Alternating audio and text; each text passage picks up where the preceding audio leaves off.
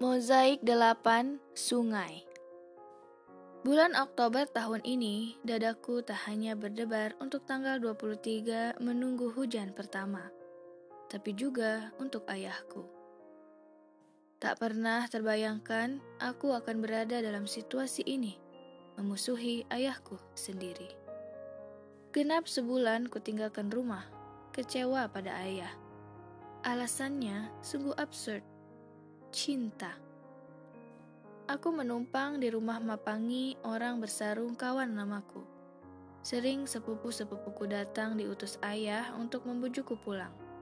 Aku bergeming. Semuanya akan sempurna andai ayah mau menerima Aling. Sekarang saban hari aku menunggu Mualim Syahbana melayarkan perahunya. Akan kubawa lari saja perempuan Tionghoa itu ku bawa lari ke Jakarta. Meski itu berarti terang-terangan seterang matahari di atas ubun-ubun bahwa aku melawan ayahku. Sungguh menyedihkan keadaan ini. Aku telah mengalami banyak peristiwa yang buruk. Namun, permusuhan dengan ayah adalah hal terburuk yang pernah terjadi padaku. Tak pernah, tak pernah meski hanya sekali sebelumnya aku menentang ayah. Aku telah dibesarkan dengan cara bahwa memusuhi orang tua adalah sesuatu yang tak mungkin terjadi. Apa yang kulakukan sekarang seumpama burung ronggong ingin melawan angin. Dua hal yang diciptakan untuk tidak saling bertentangan. Malam-malam yang senyap di perahu sering aku kesulitan tidur. Wajah ayah terbayang-bayang. Sering ku dengar kabar, kerap ku baca kisah-kisah yang disebut sebagai menggiriskan yang dapat orang lakukan karena cinta, ditinggalkan keluarga, bahkan sampai meninggalkan keyakinan. Rasanya tak percaya, aku mendapati diriku sekarang menjadi bagian dari cerita-cerita yang disebut sebagai menggiriskan itu.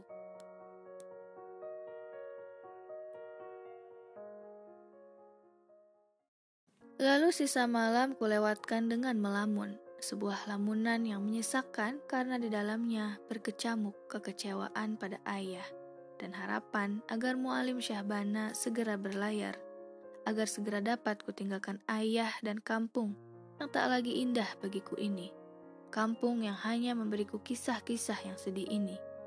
Jakarta, Jakarta berdua dengan Aling, di sanalah masa depanku. Usai dilanda kemarahan dan harapan sengit yang melelahkan itu, waktu merayap ke dini hari. Pukul dua pagi, kupandangi jembatan Linggang dari haluan perahu, dan aku rindu pada ayahku.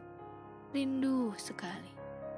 Di dalam kepalaku lalu muncul gambar-gambar yang lama. Gambar ayah memetikanku jambu mawar dari puncak yang paling tinggi. Gambar ayah mengajariku membuat perahu dari pelepah sagu. Gambar ayah memboncengku naik sepeda ke pasar malam. Gambar ayah membuka tas sekolahku, lalu menyerut pensil-pensilku dan menyampuli buku-bukuku. Gambar ayah mengikat tali sepatuku kalau aku akan berangkat sekolah.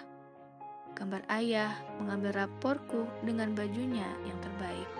Semua yang ku tahu tentang kasih sayang, ketulusan, pengorbanan, dan kebaikan, semuanya berasal dari ayahku.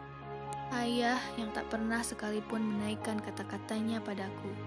Ayah juara satu seluruh dunia. Kini ia harus kutentang. Keadaan ini benar-benar menghancurkan hatiku. Berulang kali ku sesali mengapa ayah mesti berada di tengah pilihan yang runyam ini. Mengapa ia yang tak pernah mengatakan tidak padaku, mengatakan tidak untuk sesuatu yang paling kuinginkan. Sungguh jiwaku tak kuat jika harus memusuhi ayahku sendiri. Namun, kemungkinan lain yang tak dapat kutanggungkan adalah jika harus kehilangan perempuan Tionghoa itu. Ia bak sendi pada buku-buku jemariku. Ia bak arus dalam sungaiku. Aku tak sanggup, tak sanggup.